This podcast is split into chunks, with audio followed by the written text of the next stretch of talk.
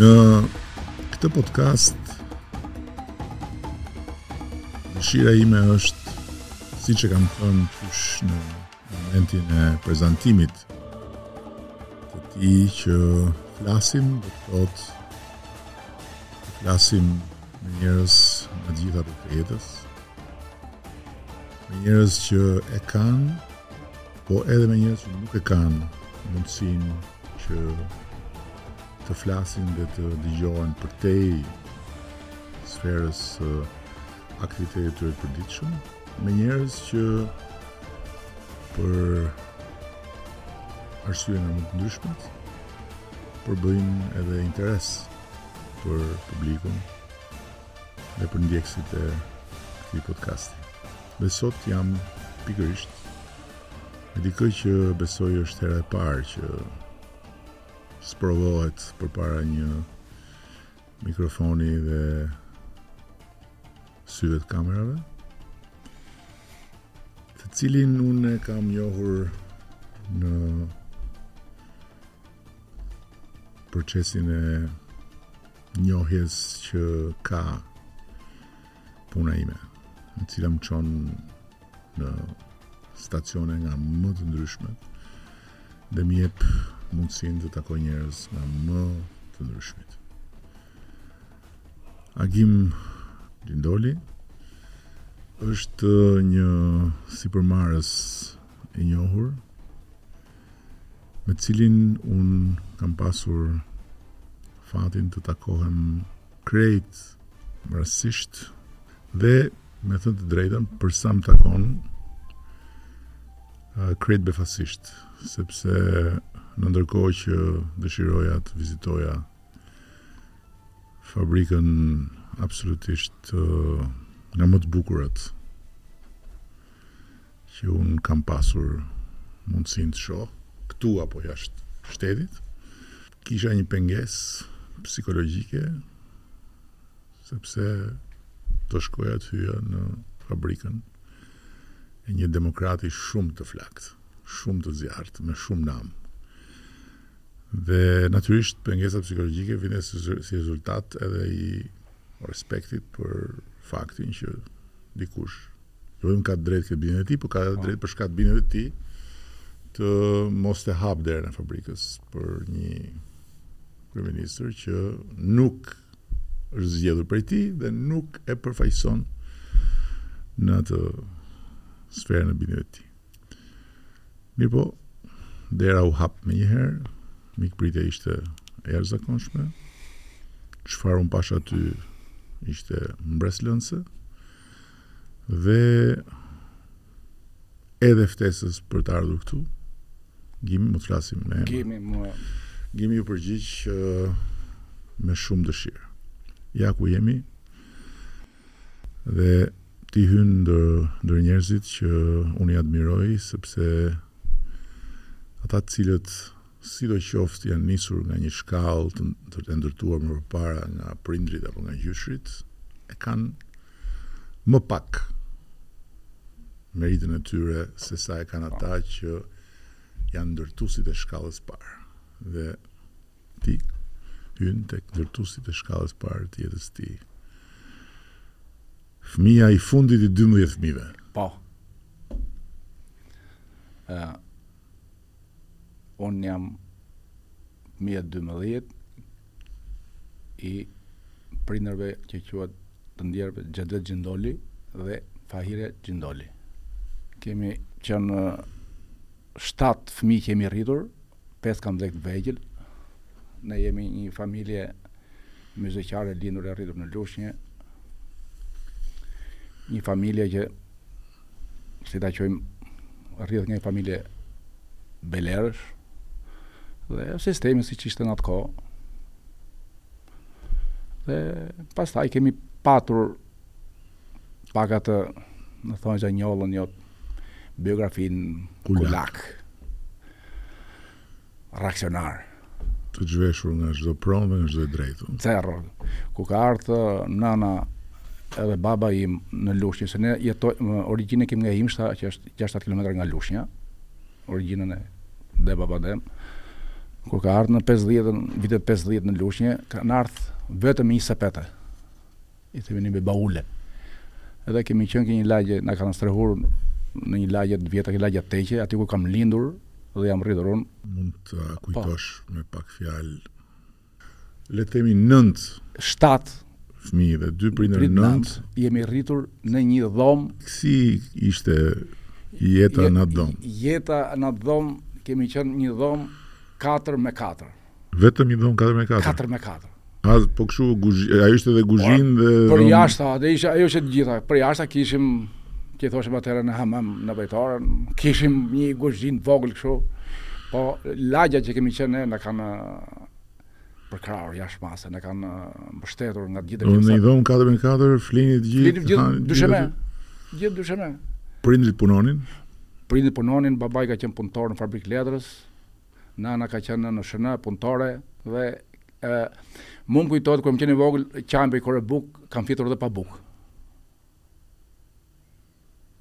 Dhe fillove fillove të mendosh si tregtar që i vogël. Si tregtar, që në moshën 10 vjeç, çdo ditë diele unë vejam, shisjam ujë me gjym, mushjam ujë në pus, një got, një lek. Edhe pastaj mujt e beharit, tre mujt e beharit punonim që i, i nxishim vetë lekët e librave, të çantës, të veshjes me atlete, ça ça vishim. Edhe pastaj Po çfarë pune tjetër ke bërë përveç shitjes ujit? Ne ja pun pastaj venim bënim dru me babën n'pyll, ke patur pyll aty afër që ngrofeshim bënim punonim, baba mbasi punonte, vinte nga puna, bënim dhe punë, të dytë Ata që kishin tokë aty, që punonim punë mbas pune, e ndihmonim babën dhe gjithë ne si fëmijë. Pastaj në moshën 14 vjeç, unë kam qenë me dhjeta në shkollë deri deri në klasën 8 vjeçare. Me dhjeta. Me dhjeta. Dhe kam pat shumë qejf shkollën. Domethënë pavarësisht kushteve Kam qenë eh, me dhjeta në klasë. Mizerabël, mësoje. Mësoja se edhe shkollën e kisham afras. Pesëdhjetë metra nga shtëpia, fat. Por nuk të lanë të vazhdosh. Nuk më lanë, në moshën 14 vjeç marova të tetën, fillova punën në ndërmarrjen e grumbullimit që nga ora 5 të mëngjesit deri në orën 12 punojam thertore. 14 vjeç. 14 vjeç. Pastaj vijam shtëpi në orën 12, deri në orën 1 bëjam pushim, vejam në fabrikën e miellit ngarkojam vagonat me miell. Hamall. Hamall. Dhe unë nga mosha 14 vjeç e deri sot që jam 63 vjeç nuk kam patur asnjëherë mungesë për asgjë. Kam patur, kam punuar në atë kohë dy punë. Bile më kujtohet kur kam qenë kur shoferave, Vejam dhe turni tretë rimorkio ke grumullimi që është sot Luna Park, në Lushnje. Po s' gabohem, në moshën e rreth moshës 16-17 merresh me sport. Pastaj kishim qef se ishin një çunat e lagjes që u marr me mundje. Po si bëje edhe kasapin dhe hamallin dhe mundsin? Po ai që do e gjen kohën. Dhe unë e kam gjithë kohën e kam pat meqë kisham shokët e mi që ishin me ishin me mundje dhe lagja jonë kishte edhe mundje dhe peshëngritës edhe ne si gjithë të rinjtë edhe e gjejëm kohën bëjëm dhe tre herë në javë stërvitje bile ca kohë edhe me shkollë nate kam bërë shkollën natës pesë, po për mekanike mirëpo shkollën natës vejem edhe lodheshëm gjithë ditën edhe flijem në orë dhe orë ke banka nuk mungojëm po vejem Mhm. Dhe pastaj në moshën 18 vjeç hyra kurs shoferave, mora patentën, ika ushtar. U ktheva nga ushtria, kam ik në 81-shin në Mirditë, e kam bërë kursin e naftës. Kam punuar një vit Mirditë, se ashtu ishte rregulla atëhera ku po të puno bëje kursin në kam punuar dublant me një krutan edhe masanaj u ktheva në park të mallrave. Aty vajta shofer dhe më dhanë një kamion që ishte ke mbeturinat jashtë përdorimit. E kam ngritur kamionin me duart e mia, se e kam qef punën dhe hekrat. E kam bë kamionin, ë bëjam nga dy plane në vit. Unë gjithmonë kam qenë avion, se ka qenë atëhere stenda e emulacionit socialist që quhesh atëherë. Ka qenë avioni, makina, vetura, mm. Karroca e diçka të tillë, bile, e, më kujtohet, në vitin 1000, në 87, 1987, i vajta drejtorit në zyrë. Ka qenë një burrë zotni, Llon Çuko, njeriu i Lenka Çukos, që ishte edhe antar partije, po ishte zotni burrë, i ka mbajtur, njihja që kalama që ka qenë përgjegjës në grumbullim, i thash, drejtor, hajde Gimi, ça ke tha? I thash, kam qef, Të më çosh park eksportit. Se kisham ëndërr. Më tha jo. Po, biografia. Më tha Gim tha. Ti je djalë shumë i mirë tha. Nuk të çon dot Lloni tha drejtori në park eksportit se ke punë biografista. E ke marrë të mesën ti tha? Po e kam marrë. Do të bëjë Lloni instruktor tha. dhe më ka bërë instruktor Llon Çuko të nesërmen janë hedhur si grenza sekretari i partisë, i bashkimeve profesionale, kë do bësh reaksionarin, ai burrë nuk pyeti njeri. Instruktor i shoferëve. I naftës, kam qenë 4 vjet, kam nxjerr 1100 shoferë në gjithë Shqipërinë. Po pra. Dhe pastaj në 91-shin u hap rruga. U hap rruga bile, unë nuk kam ikur në nuk kam ikur në 6 mars, se kisham Kursantët kisham në dhjetë prill kisham provat e kursantëve më erdh gjynah që t'i liam pa patent. Dhe nuk ika 6 mars me eksodin. Dhe pastaj kam ikur në 20 maj të nëntëdhjetenjëshit. Aty pastaj në Itali fillove me...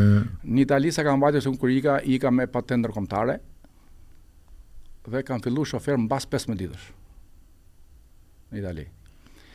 Në Itali kam punu, e kam, kur kam ikur në nëntëdhjetenjëshin e kam lënë djalin një vjeç, dhe kur jam kthy e kam gjetë 4 vjeç.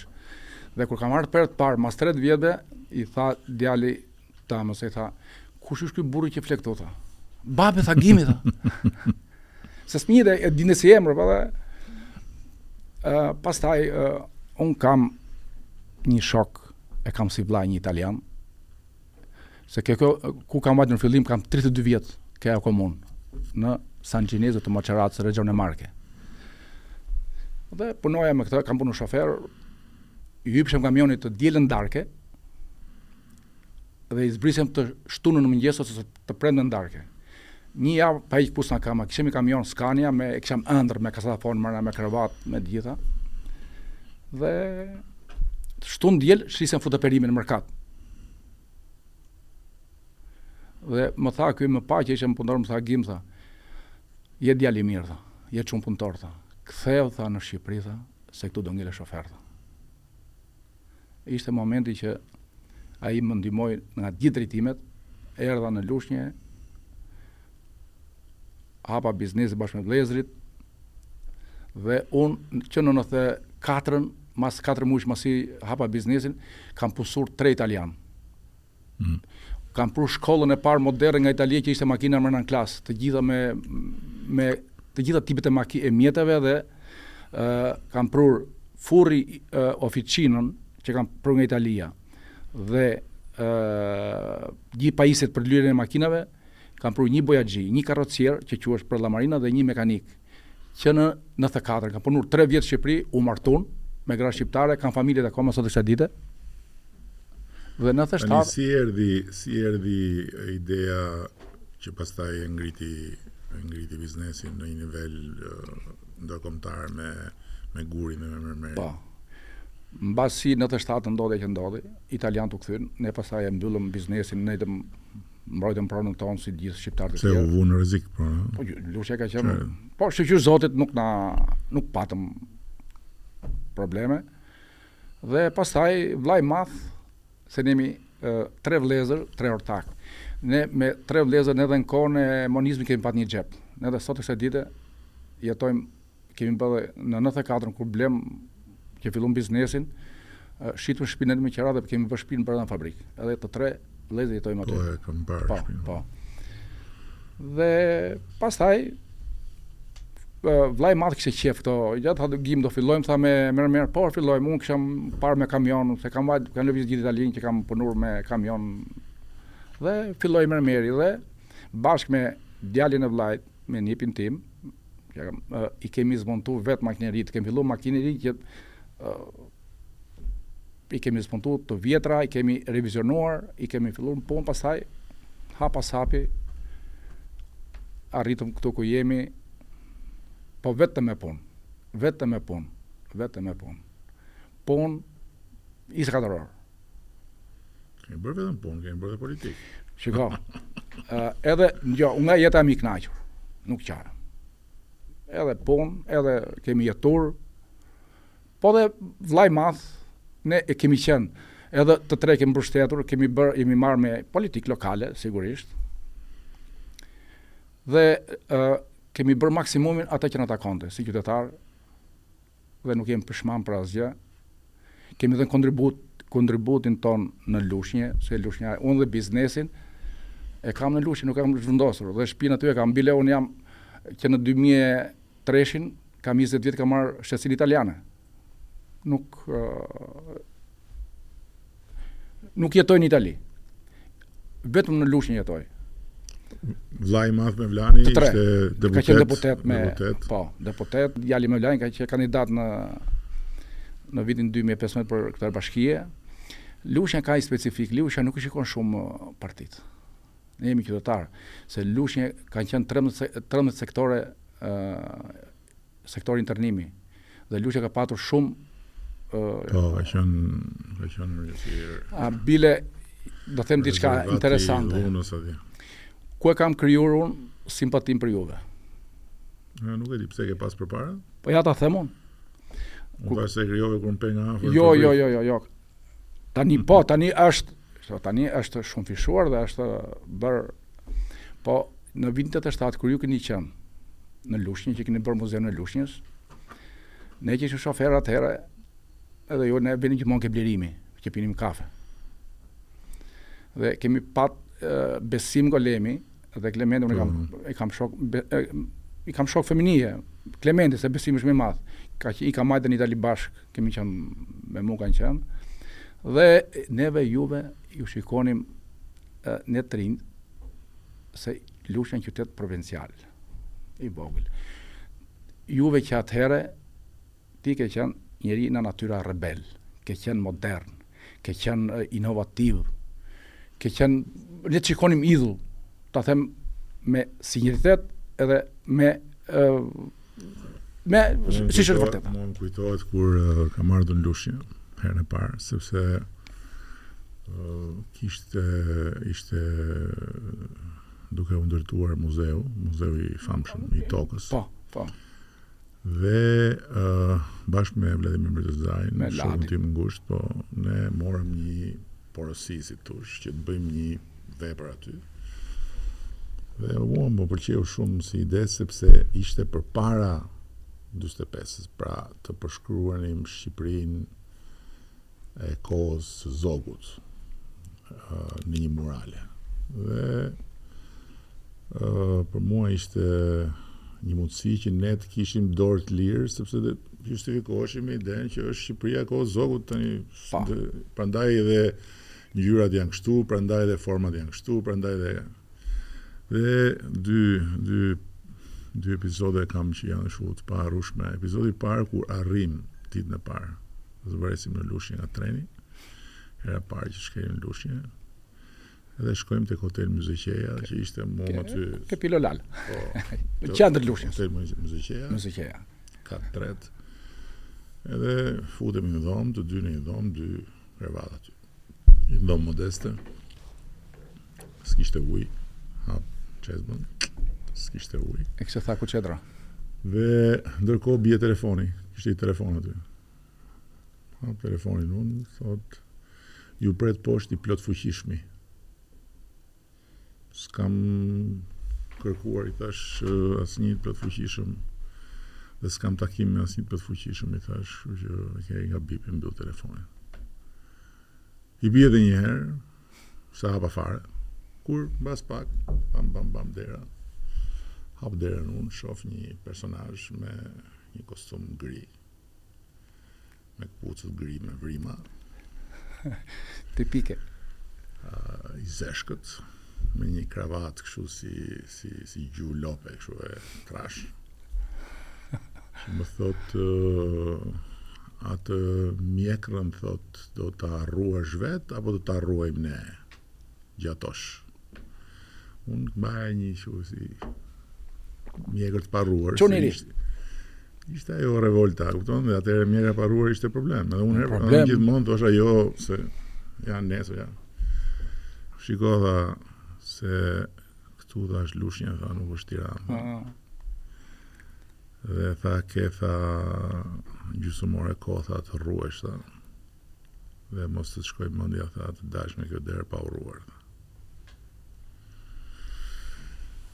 Eh, Allah, Allah, thashë. Ç'na gjeti. Dhe i thashë, po nuk kam ujë. Me se të rruhem, i thashë. Shiko e bëj, tha. Po, tha, bën mirë mos dalësh nga kjo derë, jo, i thashë, unë do të dal nga kjo derë, i thashë. Që ç'ke me atë punë, i thashë, ju e po doni, hajde dhe flasim prapë, i thashë, po më sillni ujin këtu, që po, unë të rruhem. Nejse, kjo ishte episodi i parë që, që s'e harroj atë tip. Dhe episodi tjetër ishte kur ne filluam të bëjmë pikturën, filloj piktura të krijonte shqetësime, jo po ç'është kjo, jo po kau kështu, jo po i të edhe, Ladi fliste më pak, unë flisja më shumë, Edhe i thosha unë po kështu ka qenë kau në kohë të Zogut, keni provë për të kundërtën ju? Po, po, po, po, ku e dini ju që, unë ne mendojmë që ka qenë kështu, gërdallë e madhe, jo, s'është ky i Zogut, ky, ky është i kau i Picassos, nuk e njoh, i thashë unë, s'di gjë kush është Picasso, unë di, ky është kau i kohës Zogut, thashë unë.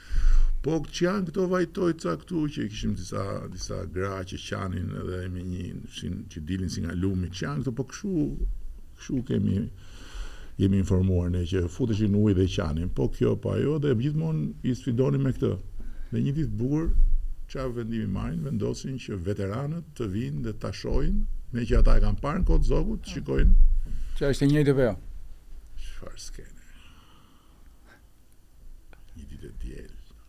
Ata merrnin karriget nga ishte afër ngjitur ishte kinemaja. Kinemaja, po, po kinemaja me karriget, me karrige, me dekorata. Me sikur kishin ardhur në një gjyq të madh si festë të madhe që do goditej do goditej virusi. Edhe një ishte njëri, një person i cili më ndiqte mua në Lushnje. Më ndiqte literalisht me me një çekiç të mbledhur me gazetë thoshte unë atë do ta vras. Po edhe ishte gjysmë i çmendur. Po. Me me qeshme. Dhe atëherë për hir të së vërtetës, edhe un kam pas atë, si thuash, protektorin tim që ishte Gjergj Velo. Gjergj Velo ishte personazh. Personazh. Figurë, po. Gjergj Velo ishte atje dhe ai na mori në një farë mbrojtje si thuash. Ka bërë dhe për Lushnjën ai. Ore Gjergji Velo kur ecnim në rrugë në bulevard nja dy herë bashkë se tha do të hajde tha dalim bashkë se dhe dalim me mua dhe po. pastaj tjerë s'do ngacmojnë. Uh, fliste për gjëra që ishin futuristike atëherë, jo do bëjmë uh, teleferikun për te Blerimi, po, jo zgjatjen e bulevardit, jo kjo, jo ça deshe ti, ishte ishte personazh. Po, bulevardin e ka bën fal se po ndërpres, bulevardin e ka bën. Në zyrën e tij, po. muzikë klasike, Gjergji ishte një figurë shumë interesante asaj kohe. Shumë e. Dhe i, i them unë, o, o shoku që i thash po ç'është ky? Ç'njeri thashë një E mo lere tha se është gjysëm i çmendur ai tha bën kështu tha sikur ka luftuar sikur ka bërë tha po ai s'ka s'ka s'ka shkrehur një pushkë tha lere se ç. Mblidhen këta ne duke folur do ti nga fundi i sallës çohet lëshon ai çekiçin.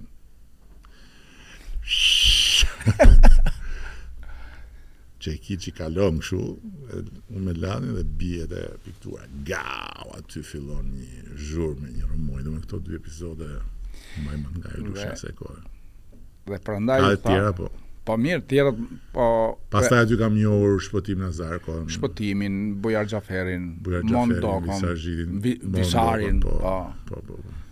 Me Visarin kemi pas një epizod shumë, shumë të fortë, se e, e, e ndiqte njëri se kishte, kishte dalë nga burgu. E ndiqte një nga këta edhe ishim bashkë ulur aty, e shof unë atë rrinte e shifte gjithë kohës, ça ke ti që shef, thash, u bë një zhurmë atje, një... Rrinim gjithmonë me Visarin, me Ilirin, me vllanë që flisnim, kam punuar ke fabrika e tullave, dhe prandaj që ta ashtu, prandaj që ju kam që atëherë neve, jo vetëm unë, po gjithë që ju shikonim ju si, ta them me plot gojën si idhull, se ke qenë njeri, uh, modern. Keni... Po kur më pe pasaj që u bëra kryetar i Partisë Socialiste, që me ndove? Shiko. Në i ku the. Jo, jo, jo, jo. Jo, të kisha ardhë, nuk kam mendur kurrë se një njëri që është punëtor, edhe juve, unë njerëzit punëtorë, jam vetë punëtor, i dua, kshu, marrëzisht, dhe i respektoj, edhe juve jeni, që keni ardhë deri këtu, s'u ka falë njëri asgjë,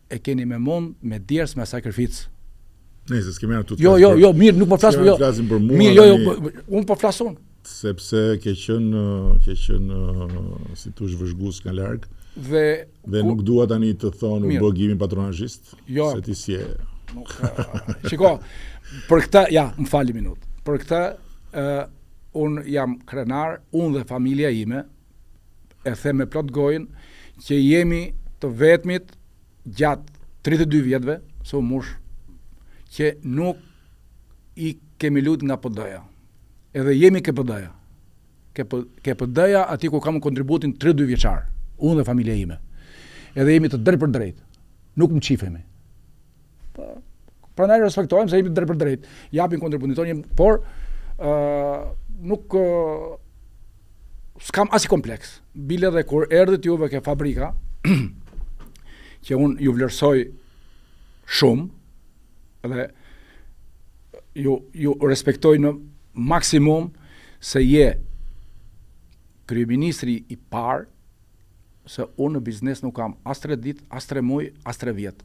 Vjen një maj, fiks tani, mbush 29 vjet.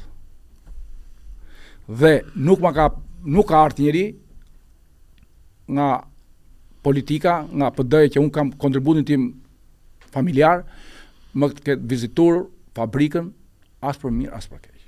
Megjithatë, prapë unë jam mirënjohës të gjithëve, çka kam bë, e kam bë hallall, jam e kam bërë dhe për veten time, edhe për shpirtin tim, e kam bërë si qytetar dhe nuk Dhe kur erdhë a di që më the, ke një kompleks, i thash, kompleks nuk kam, bile unë jam më i lumturi i botës që ke, ka, po vini kryeministër.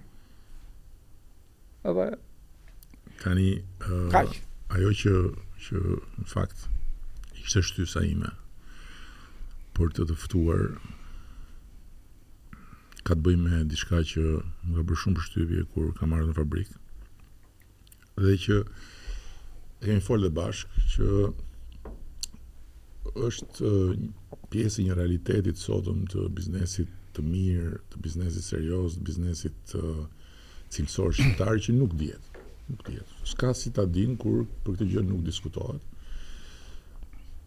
Pagat në fabrikën tënde, mënyra si trajtohen punëtorët. Dhe um, bindja bindja jote që uh, nuk ka asnjë arsye që njerëzit të ikin sepse praktikisht nëse duan vërtet punojnë Këtu janë mundësitë për të punuar dhe për të marrë një pagë shumë të mirë, në varësi nga ajo që i japin ndërmarrjes. Dhe tjetra, kthimet që ti ke pasur. Pra, ke pasur njerëz që të kanë ikur dhe janë kthyer prapë të cilat përbëjnë një histori, si të thuash, për të treguar nga, nga, nga biznesi, por ja që nuk është mundësia, sepse mediat nuk janë të interesuara për këto si të thuash pjesët pozitive të historisë bashkëkohore bën lajm bën lajm njeriu që kafshon qenin, jo qeni që kafshon njeriu, domethënë në një farë mënyre kjo është e kuptueshme. Unë e kam nga eksperienca ime. Unë kur kam ik në nëntëdhjetë e njëshin, emigrant, si gjithë shqiptarë të tjerë, Një nënpunës shteti në atë kohë merrte dhjetë mijë lekë, po them dhjetë dollarë ose dhjetë euro, që në muaj ka qenë kryetari i komitetit ose një po, po, drejtor ndërmarrjes. I lartë, i lartë. Po i lartë fare maksimum.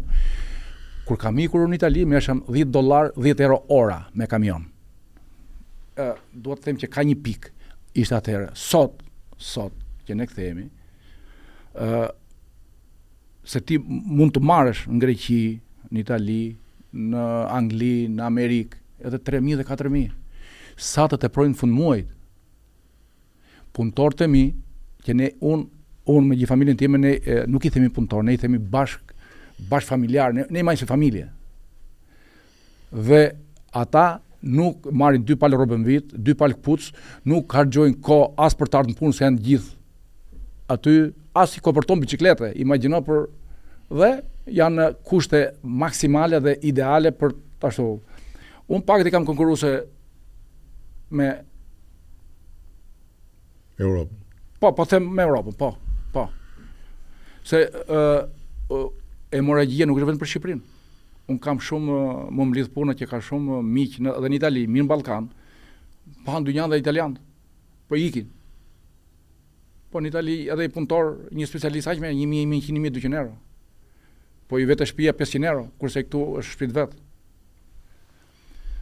Dhe neve pastaj si kompani kemi tre gjëra që i kemi si uh, sakra, si uh, shenjta. të shenjta, që janë paga e punëtorit një minutë përpara, gjatë 29 vjetve, Nuk ka bërë vaki që unë, unë ose si çdo biznes e ka sikletet e veta, ka raste kemi pat ne, vinim merrshim lek me interes te tregu me me 3% Ama rrogën punëtorit nuk rrim vetë pa buk, shtrëngojmë rripin. Edhe pagën punëtori e ka marr. Një. Kësti i kredisë bankare. Në qoftë se nuk ishim, në qoftë se nuk do të ishin bankat, unë s'do ta kishim këtë biznes sot. Bankat neve un për veten time jam shumë shumë i kënaqur ë bile sot më luten për kredi nga korrektësia që un kam do të shtoja këto që këto tre gjëra do them dhe tjetrën që janë datë nuseje që në shpi ça do të ndodhi nusja do dali me fjalë paga punëtorit kësti kredisë dhe data e dorëzimit të porosisë ke klienti. Në qoftë se unë të them, zotëri, nesër e ke këtë porosi në orën 10, në orën 10. Korrektësi. Jo korrektësi, po është sakër. Dhe Sa e ke bura shprehën korreksi është arkursimi e ke. Ah, ah, ah, tani jam më këtu apo. Ndihmoj çik se dhe edhe emocione kam, se kam për herë të parë. Të drejtën. Bile dhe kaq. Mirë po bën. Mirë po ecë.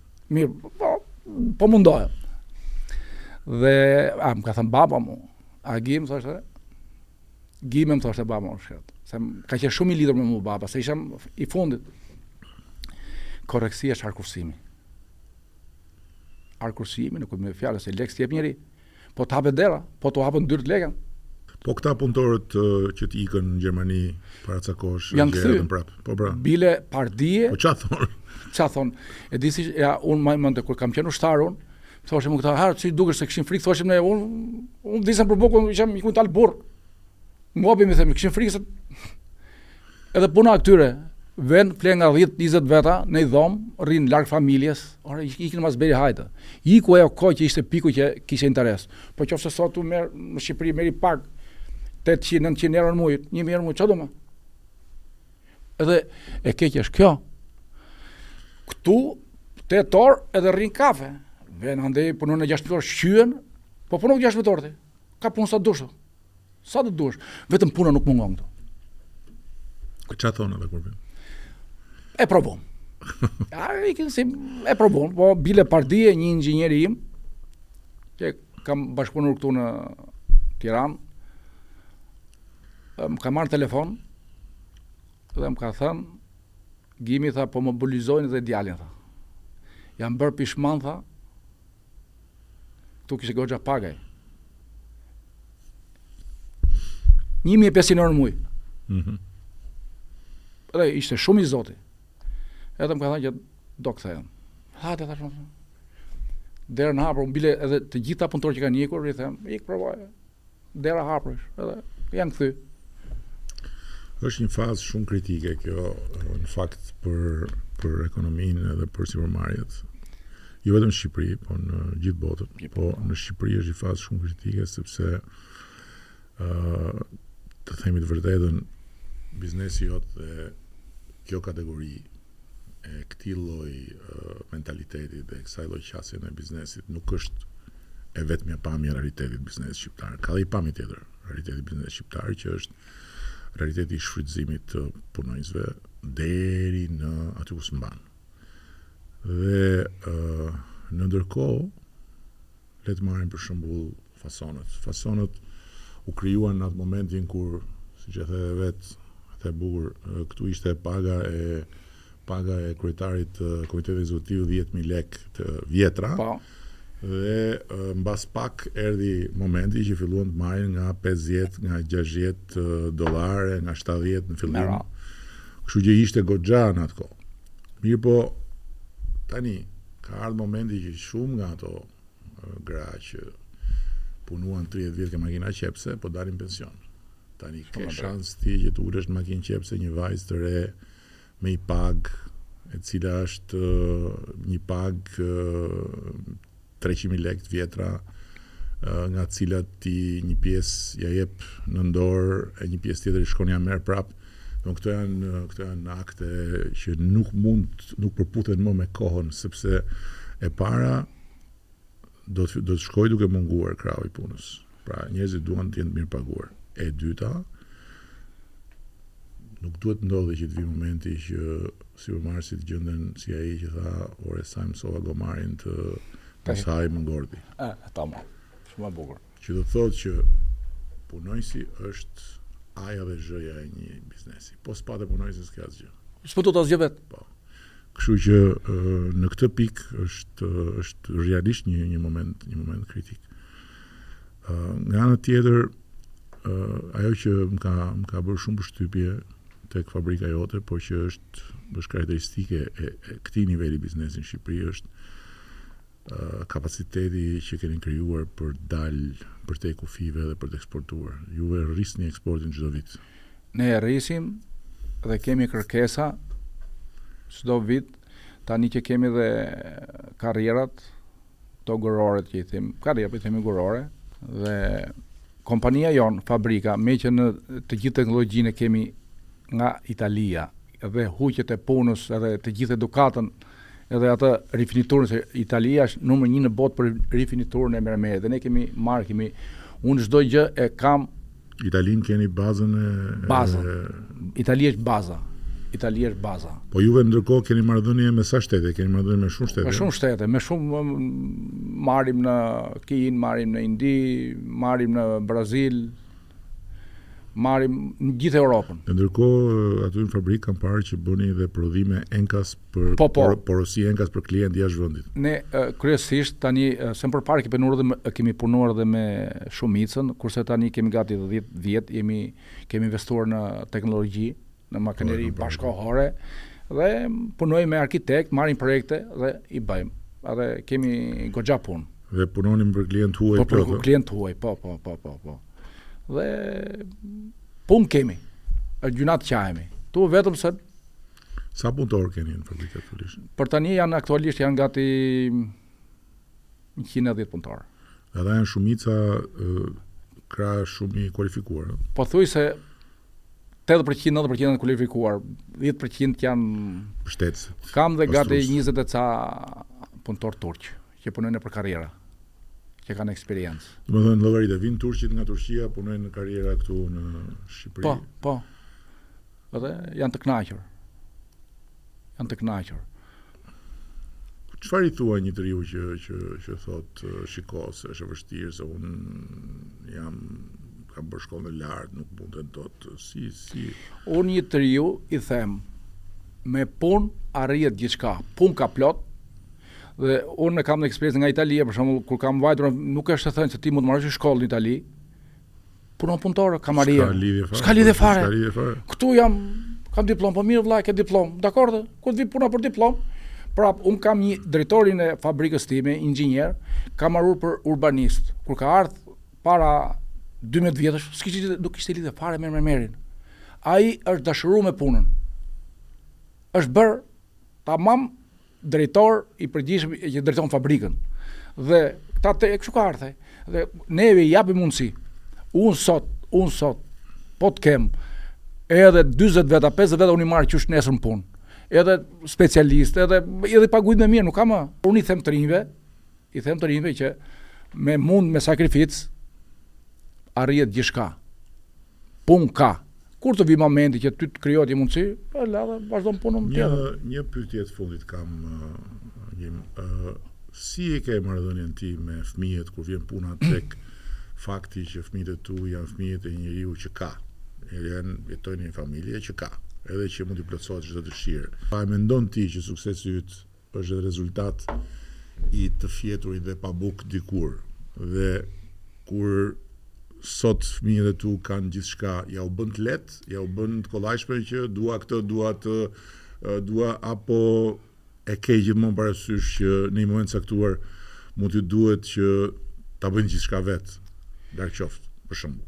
Unë fëmijët e mi, djali im ka fillu punë që në klasë të pestë. punonte ke fabrika tre mujtë e beharit. Mm. E paguajam. Do do do më shumë hajde puno. Hajde puno dhe punonte dhe ka shumë jo, jo vetëm un, vetëm djali im, po të gjithë fëmijët e vëllezërve se jemi ne e kemi un fëmijës nuk i kreh bishtin. Un bëj gjithçka, por hajde puno. dhe shyqyr Zotit djali gjithë aty i kemi që punojnë dhe nuk janë unë nuk nuk i vij mas avazit, nuk për shembull un kam edhe këtë tani u kujtova. Un un si Gim un nuk e quj veten pronar, më thot njëri pronar se e kam gjënë më të ulët. Un jam një sipërmarrës, un jam një punëdhënës. Pronar un jam i i pasurisë paluajtshme. Nuk jam pronar i punëtorit. Unë me punëtorët jam, unë pa ata s'bëj asgjë. Edhe ata pa mua, unë kam marrë një rrisk, sipërmarrje, do bëj diçka, edhe po, bashkëpunim me ata. Dhe kështu i konsideroj punëtorët. Jam shumë, shumë i lidhur me ta. Dhe ke fëmijët,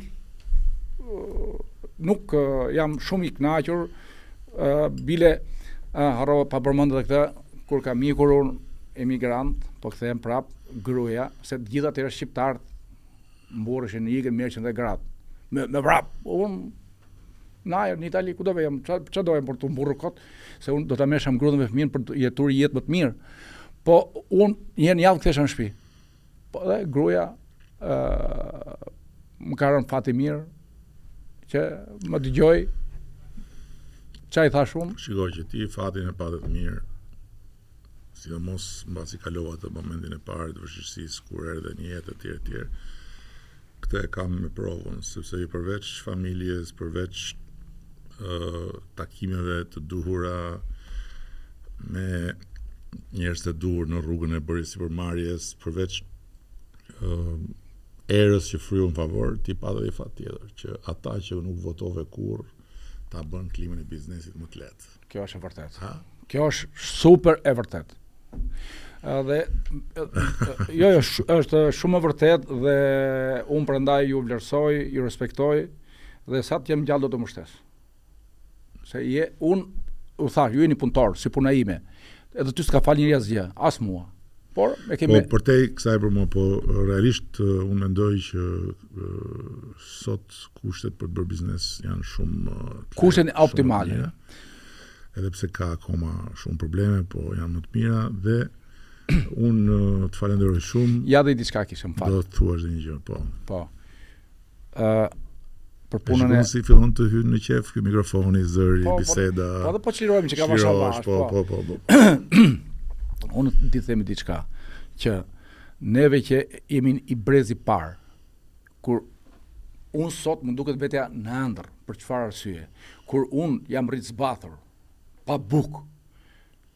Një kokërr mollë hanim për Vit të Ri.